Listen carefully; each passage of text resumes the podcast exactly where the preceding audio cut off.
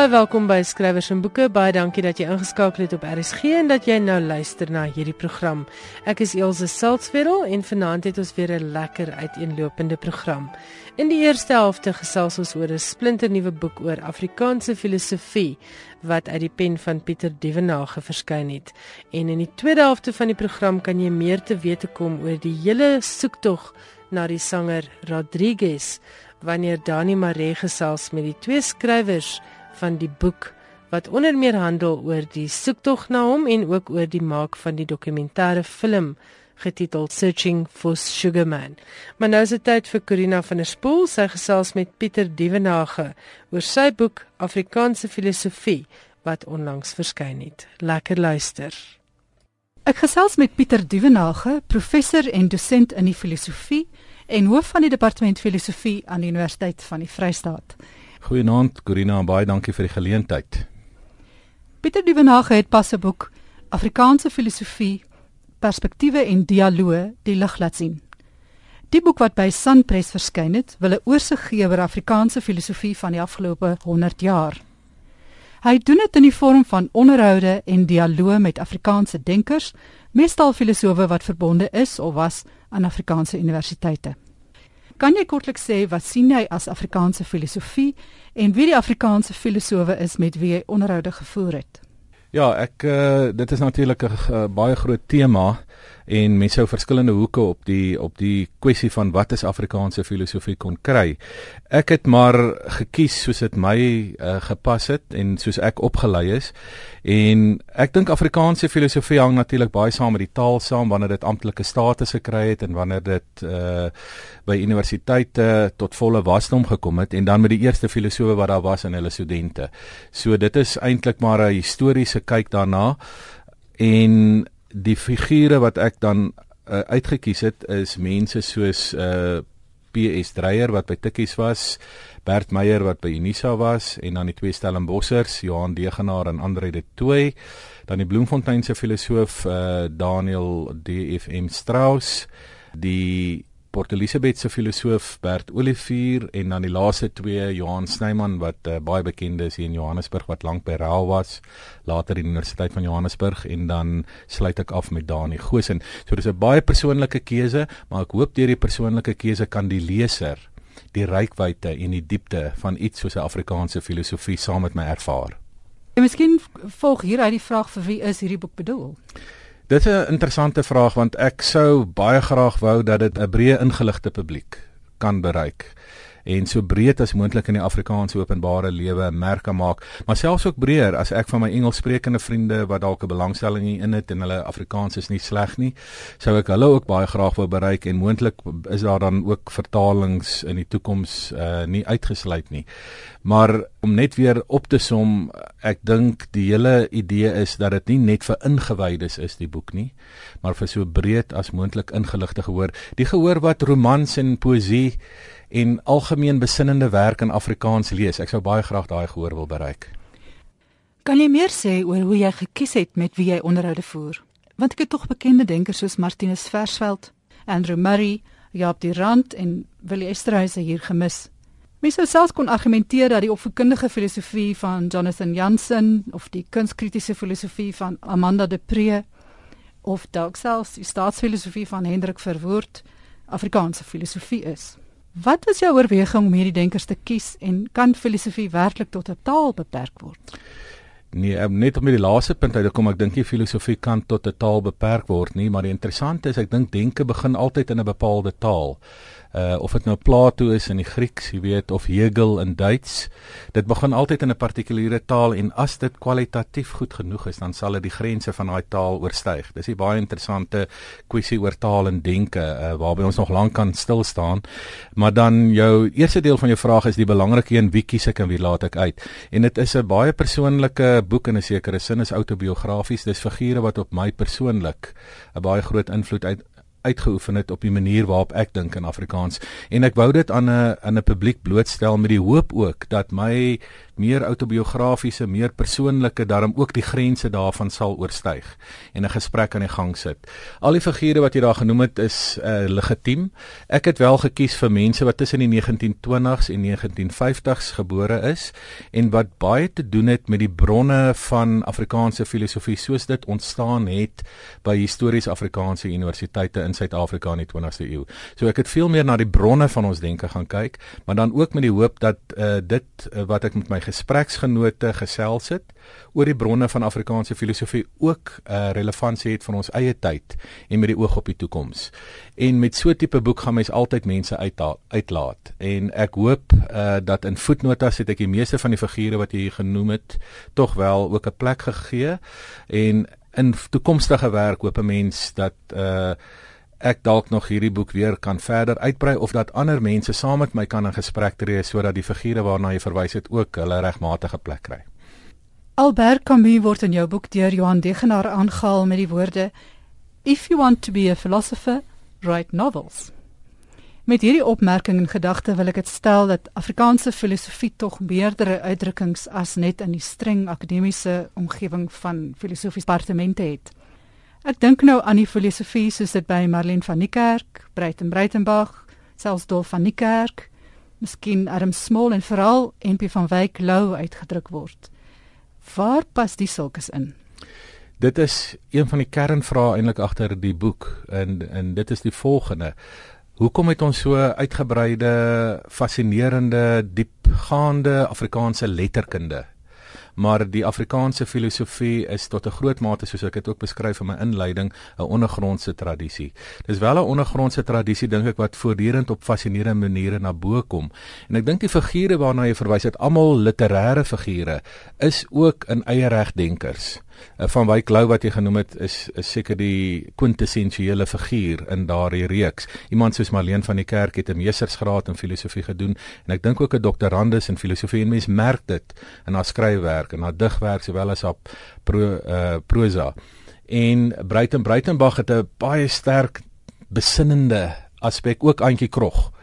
En ek kon ongelukkig nie in hierdie boek natuurlik die literêre figure hanteer want ek voel hulle het op al soveel terreine gedoen. Byvoorbeeld daar's nou net die fascinerende publikasie van Bruiten se besinnende toesprake en uh, essays wat versamel is in Parool.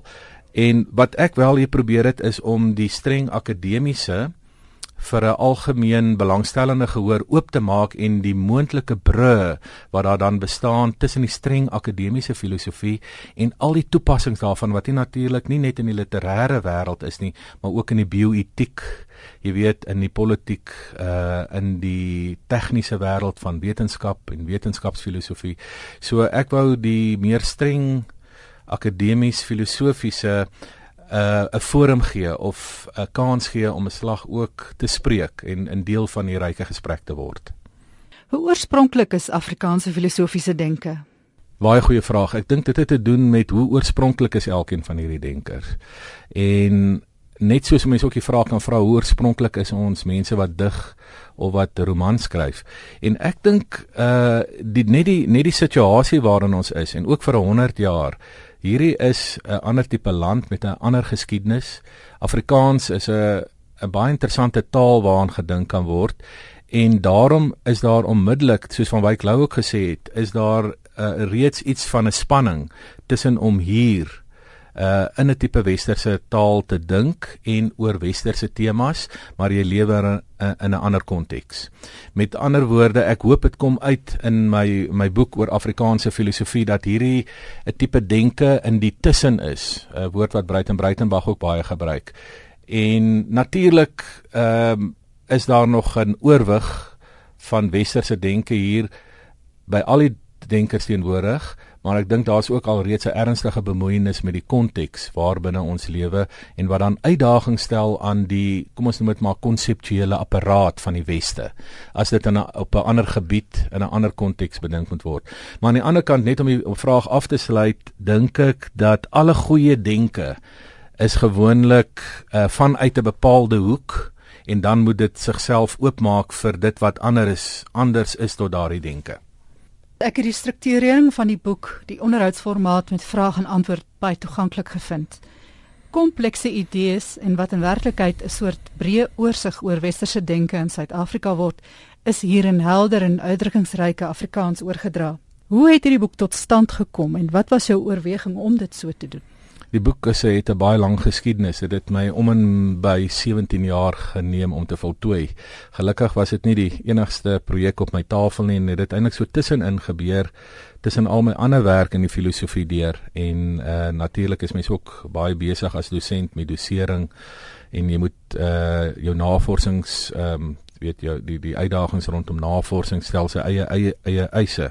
Maar hierdie is 'n wonderlike boek wat eintlik met my gebeur het. Ek stel ook in die inleiding dit dat verlangryke het ek gevoel die boek skryf my eerder as ek wat die boek skryf. En wat ek gedoen het, ek het drie perspektiewe reg aan die begin gestel in my eie woorde, ehm um, drie hoofstukke. En daarna het ek agt dialoë waarna jy nou na verwys. En die wonderlike van die agt dialoë is dat my gespreksgenote alhoewel hulle almal op 'n manier mentors van my is en 'n invloed op my eie denke uitgeoefen het, kon terugpraat dialogies tot my eie poging om Afrikaanse filosofie op die kaart te sit. En die interessante is natuurlik dat die dialoog is die een van die oudste forme van filosofie. As mens nou dink aan die platoniese dialoog waarin Sokrates 'n baie sterk rol speel en dan die dialoog beteken mos dat die kennis of betekenis of die waarheid as myself so ver kan gaan vind altyd in die tussenplaas tussen mense. So ek het baie hard gepoog om my gespreksgenote die kans te gee om oor hulle lewens en hulle lewens as denkers uh, te reflekteer.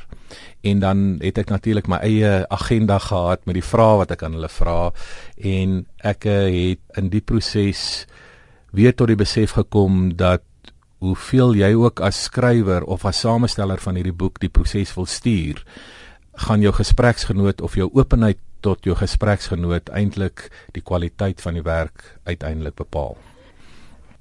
Pieter in jou onderhoude het jy die filosowe breedvoerig uitgevra oor hulle grootwordjare en die plekke waar hulle opgegroei het. Dink jy waar hulle vandaan kom het 'n groot rol gespeel in hulle latere denke?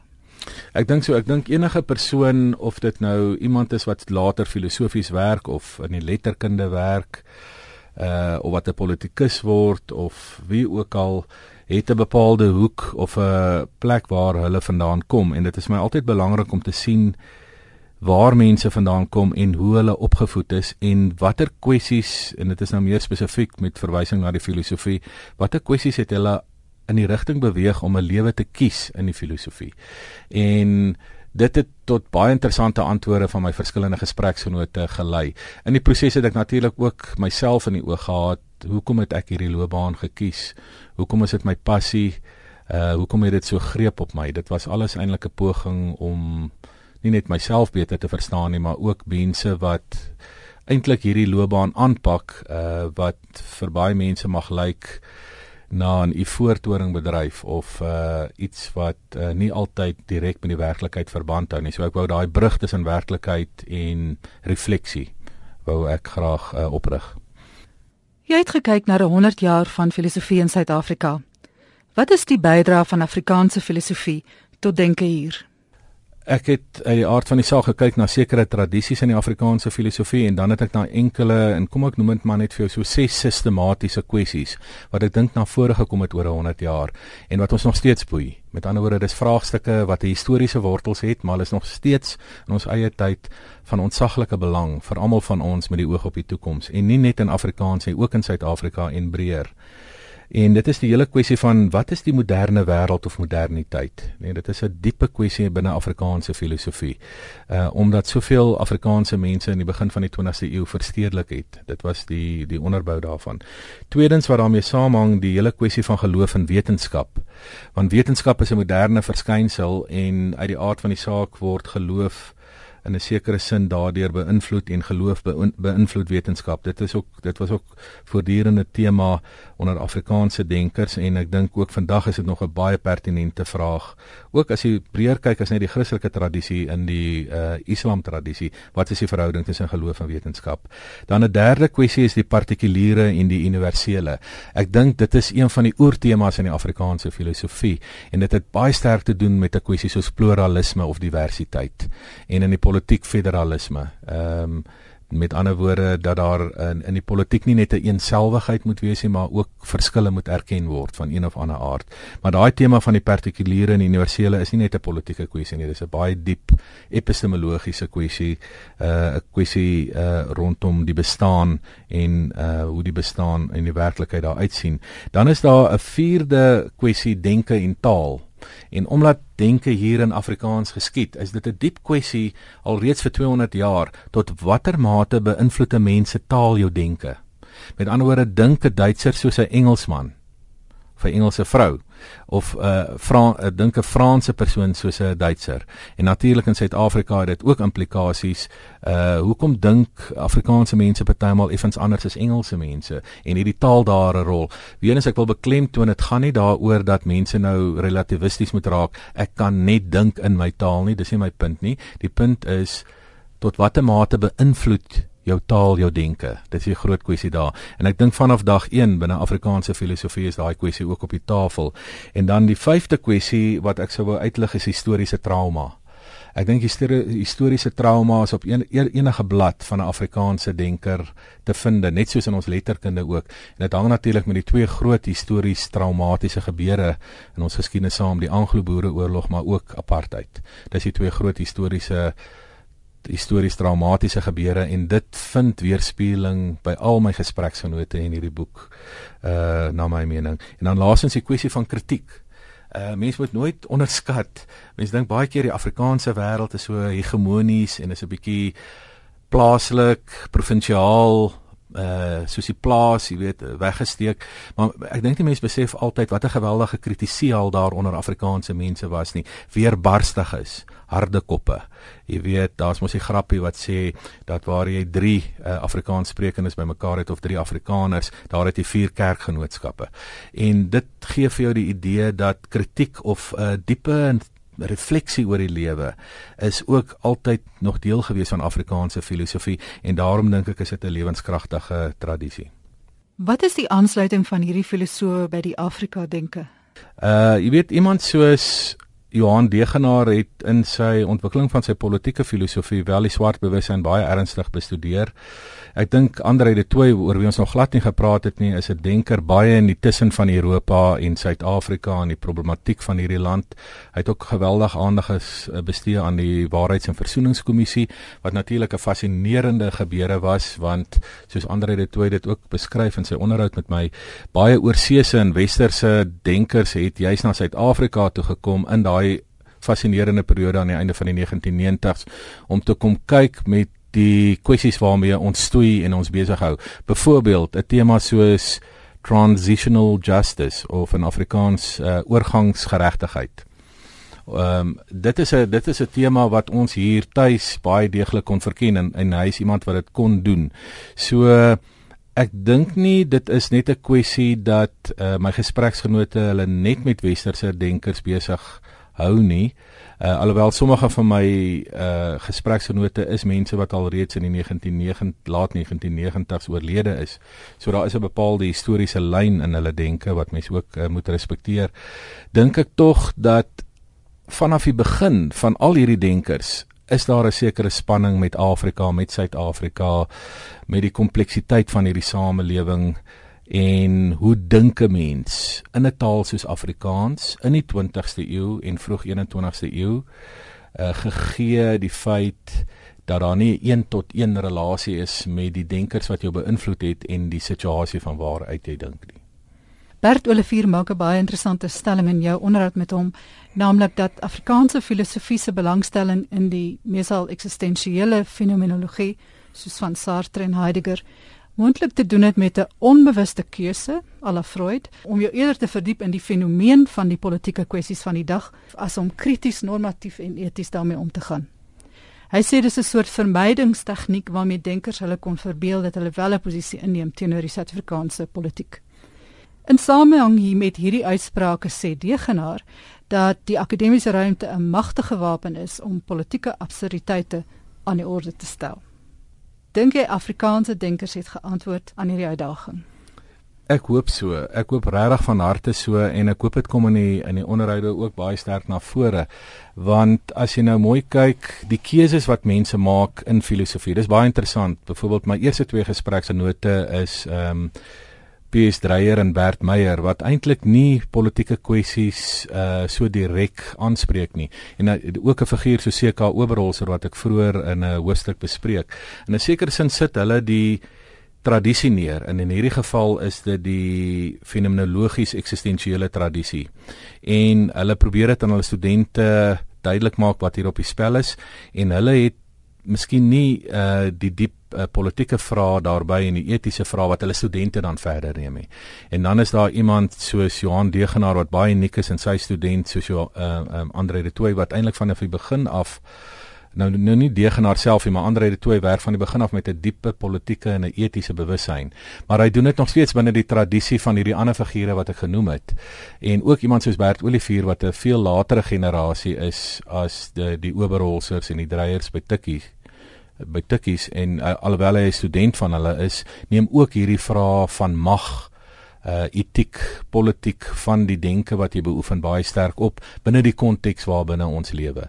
So ek dink dit is 'n dis 'n historiese proses uh, wat mense in my boek ook kan sien afspeel hoe die verskillende generasies filosowe in Afrikaans 'n bepaalde daar's sekere lyne hoe hulle opgevoed is, die denkers wat hulle beïnvloed het, maar dan is dit baie interessant hoe die tematiek skuif, soos die eeu skuif, die 20ste eeu en hoe ehm um, werklik waar pertinente lewens uh saakmakende kwessies deur al hierdie figure wat ons nou pas genoem het, uh, jy weet Andre de Tooy, Johan Degenaar aan die in die latere deel van sy loopbaan, Bert Olivier, Johan Snyman en ook Dani Goosen hoe hulle werklik die vraagstukke van ons dag baie ernstig opneem uh, in 'n Afrikaans wat uh, getuig van gehalte en van deeglike besinning.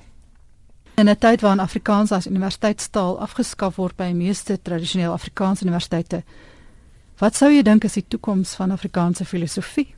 Wel, ek is ehm um, iemand wat geneig is om meer uh optimisties as pessimisties te wees. So ek sien die glas eerder half vol as half leeg. Uh natuurlik is daar 'n uh, enorme spanning rondom die kwessie van histories Afrikaanse universiteite wat ek as baie hartseer vind want ek dink as daar net 4 sulke kampusse op die land eh, in die land is uit sê maar 36 hoekom het ons nie 'n sin vir vir veelheid nie, weet diversiteit nie. En uh, ek dink uh, wat ook nou al gaan gebeur by die kampusse, dit is dit is nou maar uh, een kwessie. Ek dink nie Afrikaans gaan sommer verdwyn beide as 'n spreektaal en ook as 'n hoogs ontwikkelde akademiese taal nie, want ek dink ons het nog steeds joernale, ons het koerante, ons het uh, televisie uitsendings, ons het hierdie tipe van programme. Ek kan nog in Afrikaans skryf ook. En ek dink ook daar kom 'n private Afrikaanse universiteit sonder twyfel uh dat ek dink ehm um, dinge sal miskien nie presies soos op die ou gebaande weer voortgaan nie. Daar sal nuwe forme kom, maar waaroor ek baie ernstig bekommerd is is die feit dat as jy Afrikaans wegvat by die publieke universiteite, wat doen jy? Uh, waarmee is jy besig? Want jy vernietig eintlik 'n uh, deel van die komplekse en diverse infrastruktuur van Suid-Afrika en ek is iemand wat uh, hoop nog altyd gehoop het dat Afrikaans uh by universiteite die geleentheid kon wees om die ander Afrika tale te ontwikkel maar lyk my my hoop en my drome daar rondom word nie enigsins uh, as uh, werklikheid bewys nie wat wat werklik jammer is omdat ons 'n baie diverse land is en omdat ek sterk voel ook oor die tema denke en taal Dit was Pieter Dievenage, professor in die filosofie aan die Universiteit van die Vrystaat, wat met my gesels het oor sy boek wat pas verskyn het by Sunpress, Afrikaanse filosofie, perspektiewe en dialoog. Dit was die stem van Corina van der Spool, natuurlik 'n ou bekende hier by skrywers en boeke. Ons bly so half by die filosofiese en ek wil vir julle vertel van 'n splinternuwe versamelbundel oor die werk van Breiten Breitenberg. Dit is getiteld Die singende hand: Versamelde gedigte 1984 tot 2014 en dis Breiten Breitenberg se derde versamelbundel wat pas by Himan en Rousseau verskyn het.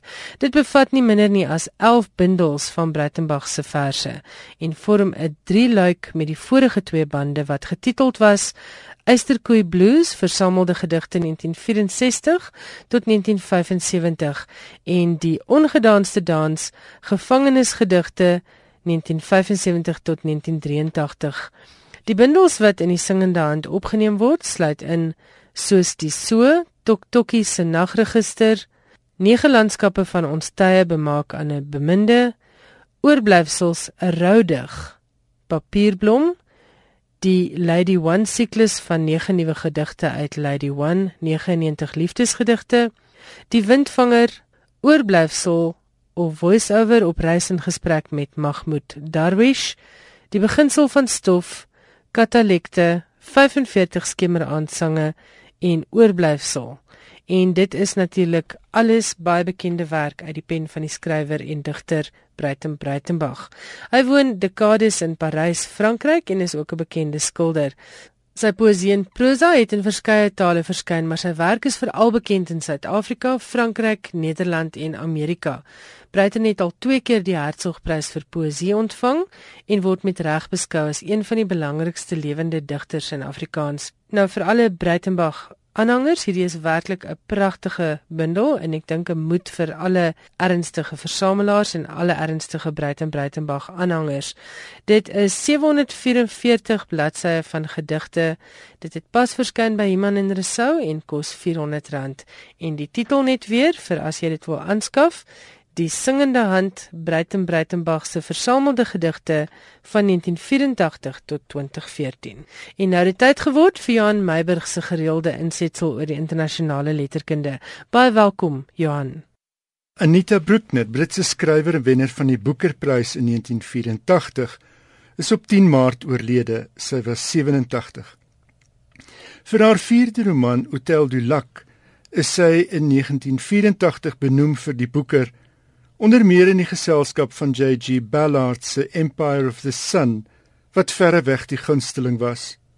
Hotel du Lac was met 16-1 wat beroepswedder sou noem 'n buiteperd. Maar lank voordat Bruckner fiksie begin skryf het, het sy oor kuns geskryf. In 1972 het 'n boek verskyn oor die Franse skilder Jean-Baptiste Greuze, The Rise and Fall of the 18th Century Phenomenon en in 1980 'n boek oor Jacques-Louis David. Sy was die eerste vrou wat aangestel is as die sluitprofessor in visuele kunste aan Cambridge en was tot en met haar aftrede in 1988 professor aan die Courtauld Instituut vir Kuns in Londen.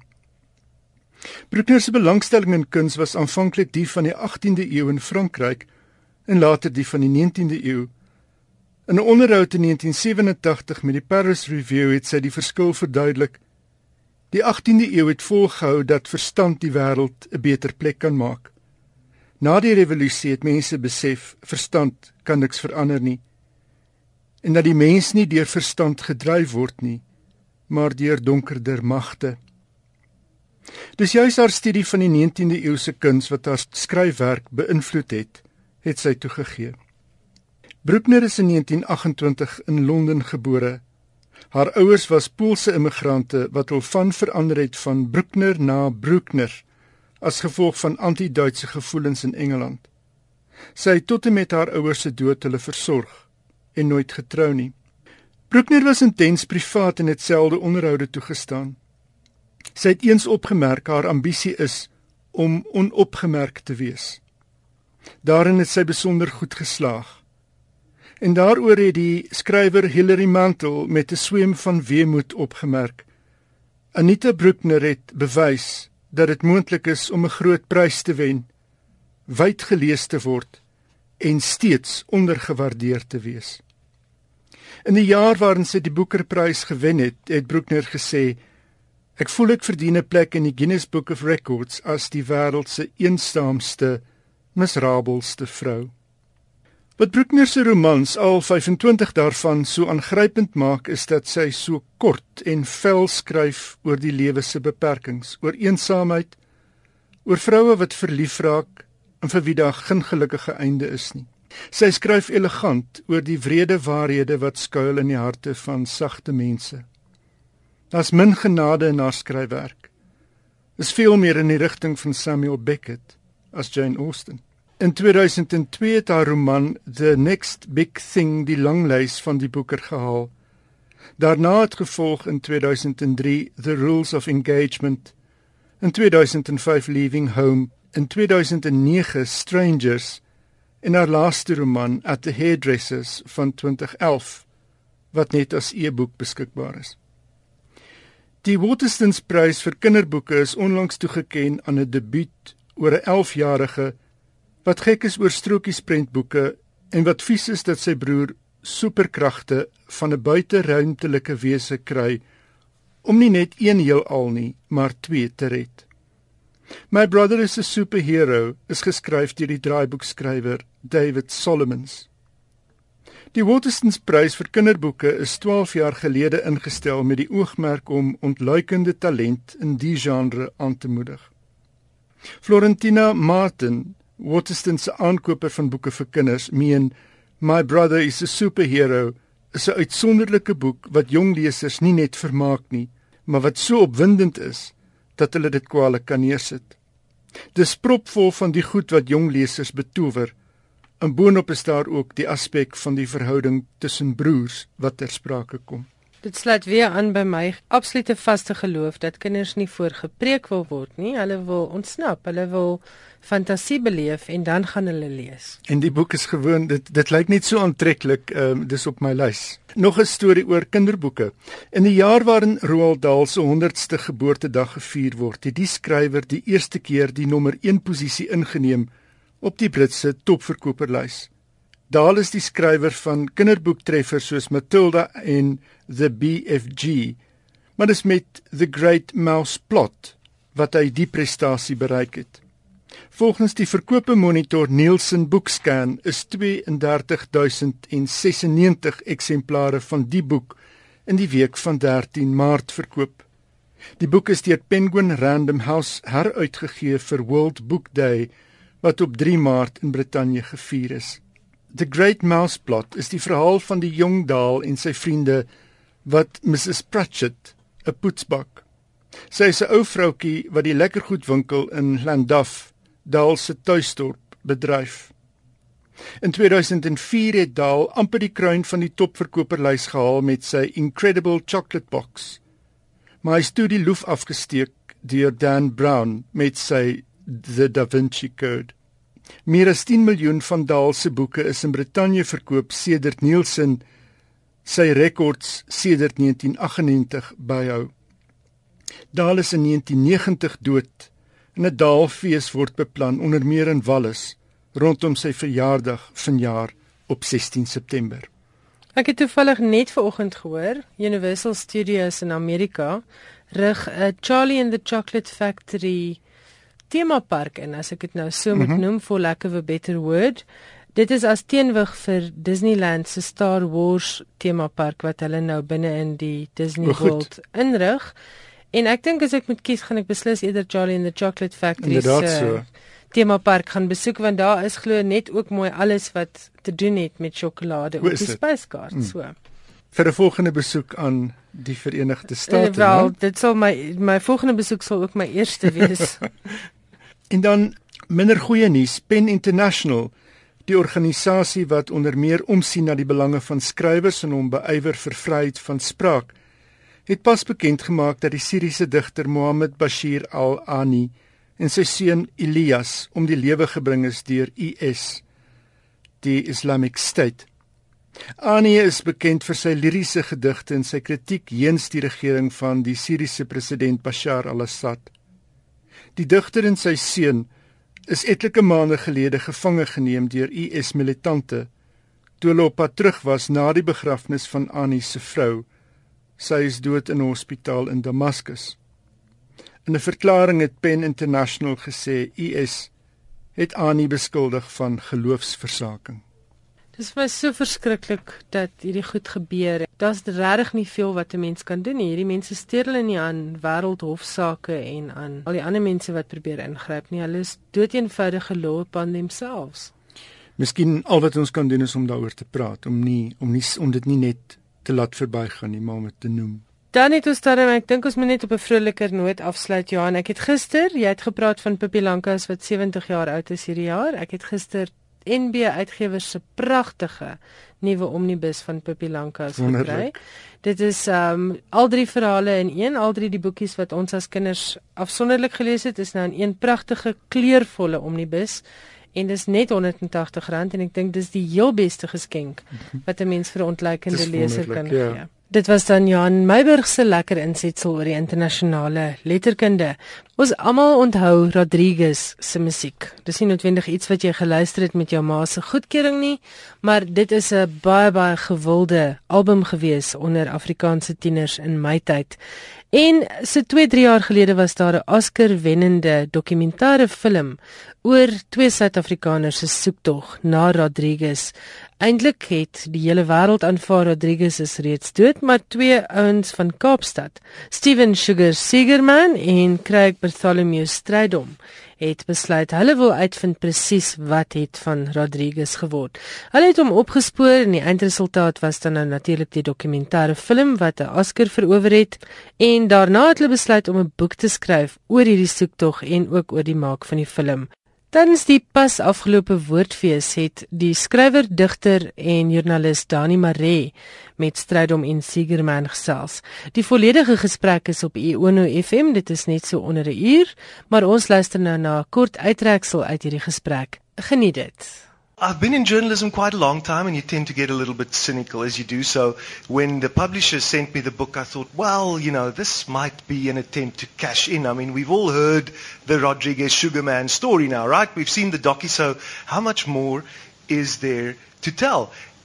But I was incredibly pleasantly surprised. This book is a real page turner, and what you get in the end is you feel that, okay, well, there was the rock and roll fairy tale where Rodriguez uh, takes the trip back from obscurity to, to world renown. And here's the second fairy tale of two fanboys, you know, two regular guys who, who happen upon a story and they end up going to the Sundance Festival and to the Oscars.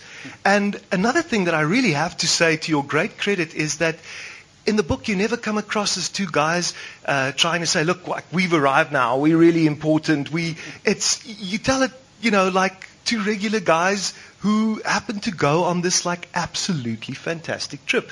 And it's wonderful to read. It's, it's life affirming despite all the tragedy also involved in the tale. So one of the first things I'd like to ask you is, you know, where is this book selling and is it selling?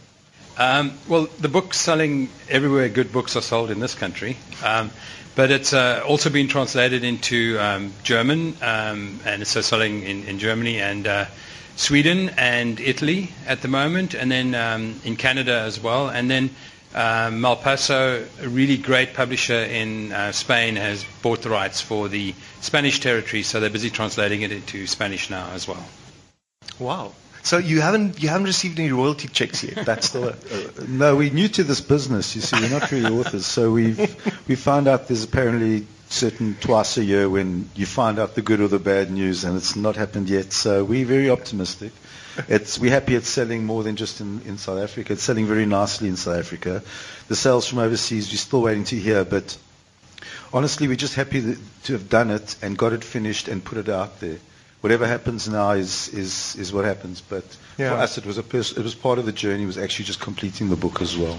Well, it deserves to, to sell really well because as the documentary, it's, it's put together um, very nicely. You know, it's, it starts at Sundance and it kind of ends well with the Oscars and then after that with, with Malik's suicide. So hopefully we'll get to to, to all of that. But, but one of the things that intrigued me is in the back in the author's note, you say that you had the problem that you know how to tell a story where you were the writers and two of the main characters. So you decided to opt for the third person as uh, the two journalists did who wrote All the President's Men about the Watergate scandal. I think that worked really well, but I'm still curious, how did the collaboration process really work? I mean, who wrote what How did you send it back and forth? Um, well, it's it. I got to say that it was Craig had lived overseas for many years, and when the movie happened, he came back into the picture, and then he came back further into the picture because he moved back to Cape Town. Now, neither of us are from Cape Town, but I live in Oranjezicht, and he moved into Oranjezicht. We ended up living a couple blocks from each other, which is too weird to be true. Not weird, you know, you know what I mean. So, uh, so it, it, actually, someone in America wrote this disgusting book about this. So we thought, you know what, someone's got to do this properly. Yeah. We live close to each other. We decided the best thing to do would be to write it together. And the process was just very, very straightforward. It, it, it, it was a very simple process. We're still talking to each other all the time. So that worked out nice for two people doing a project together. Yeah. It's been lovely. And basically, I should say that, that, that the, the, style of the book is Craig's. Craig Mm. mostly wrote and completed and stylized the book. The story, we, we shared the beginning of the story. We were both present at the Rodriguez story. After Rodriguez goes back in 98, Craig immigrated and my story picked up then because I stayed involved with the website and stuff. So I wrote about that and then, mm-hmm. so I feel it was a really down the middle 50-50 effort, which is really nice because that's how it should have been. Yeah, and that makes sense as well because I was that was one of the questions I had is like how do you get the tone of voice right because you know somebody's got to have the tone of voice and you of course had a wealth of material as well with your, your long correspondence with with Malik, uh, who is another revelation in the book because we not only get to to know more about the story behind the story and, and Rodriguez as well, but of course about Malik who who, who basically pulled off an impossible stunt. Um, but one more question about the writing. When, when was the point where you decided, okay, we need to do this book? Was it because of that really bad American book, or It was one, yeah. Yeah, it was a combination. I think um, after Malik died, um, Sugar called and said, "Listen, we need to put out this book. We need to do this book." And and and you galvanized it. You said, "Let's get it done." And so we basically decided to get it done. But it was also a combination of that and this really terrible book that came out called what's it called? Searching for It's called Sugar. Searching for Sugar Man, and it's a, a self-published book that you know. I think every copy of our book that sells now, that book will sell because people are going, you know. But it's uh, and it's really terrible. And The guy didn't speak to us at all. I mean, so he wrote this whole book without talking to us. So jeez, he's, a, he's an American writer. I'm not going to mention, mention his name. You can Google it. But uh, uh, he, he's written many, many books. I a, when he contacted me, I had a book by Van Morrison on him, and I took the book down. and I looked and I thought, oh, I'm not going to worry about this guy. He just, he just, he literally just bashes out books and puts them out and stuff like that. But he galvanized us to and motivated us to write our book, which is one thing we thank him for. Well, maybe you should do a proper book about Van Morrison next. But um, That's been done. Yeah. yeah, And who wants to speak to him? He's really a nasty human being. Do you know that? He, he really is. Sorry to all the Van fans, but I've got to tell you, love the art, not the artist. You know? Yeah, I've kind of imagined as much. Maybe we should get to the artist uh, Rodriguez next. But before we do, uh, one of the, the, the pieces of criticism against the movie uh, back then was uh, why omit the fact that you know the Australians really loved Rodriguez too, and they had him over for a tour in '79 and '81. They played with Midnight Oil. You write about that in the book now, and uh, in the book you also say that Malik was very taken with Werner Herzog's style of documentaries, in, in, in, in the sense that he believed it's not the facts so much that need to be revealed, but the truth in the facts. So, you know, he took a few liberties, which you talk about in the book as well, but he also omitted the Australian thing completely. Yeah. And what did you feel about that decision at the time? Well, I mean, it's it's an interesting um, way of filmmaking in that um, you know Malik used the devices of fiction to write a non-fiction book. So you know to so that the, you know the story would be something that you know you'd be on the edge of your seat watching. You know, so for example, like um, you know he would get you know interview Sugar telling one part of the story, me telling that part of the story, somebody else telling that part of the story, mm. and then you'll take the clip that Yeah. that looked best, you know, that worked best on screen. That kind of thing he did. So know, Sugar which would say stuff that you actually see Yes. in real life, or we believe that Sugar is meeting you in the Mexican kitchen. It's actually some other random guy. yeah, that kind of yeah, thing. stuff yeah. like that. So he used a lot of the fictional devices in a non-fiction uh, environment. You know. Yeah. But, And the other question about Australia, I think, um, do you want to go? well, yeah, the thing is this, is that, remember when Craig and I did our search, it was pretty much pre-internet. The internet had not yet evolved, not in South Africa anyway. And if you Googled Rodriguez, there was nothing. we put up the first website, so when you Googled Rodriguez, you could get something. But the simplest fact is this. We did a long, extensive search, mm. and we had no idea that he had been in Australia. We found out for the first time when Rodriguez called me that night. He said, oh, I've toured Australia. Would really? Because if we had known, we would have gone and looked there. And we didn't know. So it's not, for Malik, it was not part of our search as we say, if, if, the Australians are unhappy, they can make their own movie. Yeah, yeah. You know what I mean? but um, it wasn't part of our story, and he left it out. In the yeah. book, it's fully covered. So we, we, we It's not an anti-Australian thing on. Oh no, no, uh, no. I, I, didn't. I didn't think Unless as you much. watch the cricket. yeah, but that's now the other interesting thing, is um, one question that remains very hard to answer is why, when this album did absolutely nothing in America as um, as the guy from Sussex Records, Avant, uh, says, you know, six people bought it, you know, me and my wife and maybe our daughter. Why did the South Africans and Australians end up falling for this album so badly? Good taste. so literally, I mean, it was an album that came with all the others. There was the Beatles, the Stones, Cold Fact. We listened to it. We really liked it. You know, when when Malik first heard the story, and I told him the story, and he went home, he said it took him six months to listen to the album. Because he said, if the album was not that great, this is not such a good story. Mm-hmm. And when he heard the album, he said, thank heaven, this is a fantastic album. Yeah. And the whole thing about the story, it's a great story, a great artist. It's about that record. Yeah. That was the record. That was the piece of art mm. that actually created this whole story. And it's that good. And people who hear it now, it's just moving around. So why it didn't do well then, I'm glad. I mean, yeah. I'm thrilled. It made our story, but it's impossible to say. But I'll just say South Africans have really good taste. well, uh, one of the, the more critical questions I, I, I need to ask is that people locally felt that you know, maybe the whole political connection was, was overstressed. Um, Anton Kannemeyer wrote a, a, letter to the Burger and he said, well, listen, every white racist and his mate also owned Cold Facts. So uh, if you watch the movie, it basically says, well, look, Cold Fact influenced the Voelvry movement. They were very much protest singers. Uh, it may be very true for Willem Moller, uh, but I think uh, the point that Kannemeyer was trying to make is like, look, a lot of bad and good people like the Beatles and Elvis, and a lot of bad and really good people like Rodriguez. In fact, I remember when, when I was at school, I think it was Standard 9, Rodney Seale came to talk. And um, and he warned a lot of people about Uriah Heep and whatever. And then he, he said, well, and listen to this song by Rodriguez. And he started playing I Wonder How Many. And the whole matric class started singing along to the song, which, uh, which of course made Rodney and the teachers more worried. You know, so, uh, yeah, so do you think this was something that Malik did for a predominantly Western audience? How do you feel about it? Yeah, I mean, I think it was overstated. I mean, I think it absolutely was.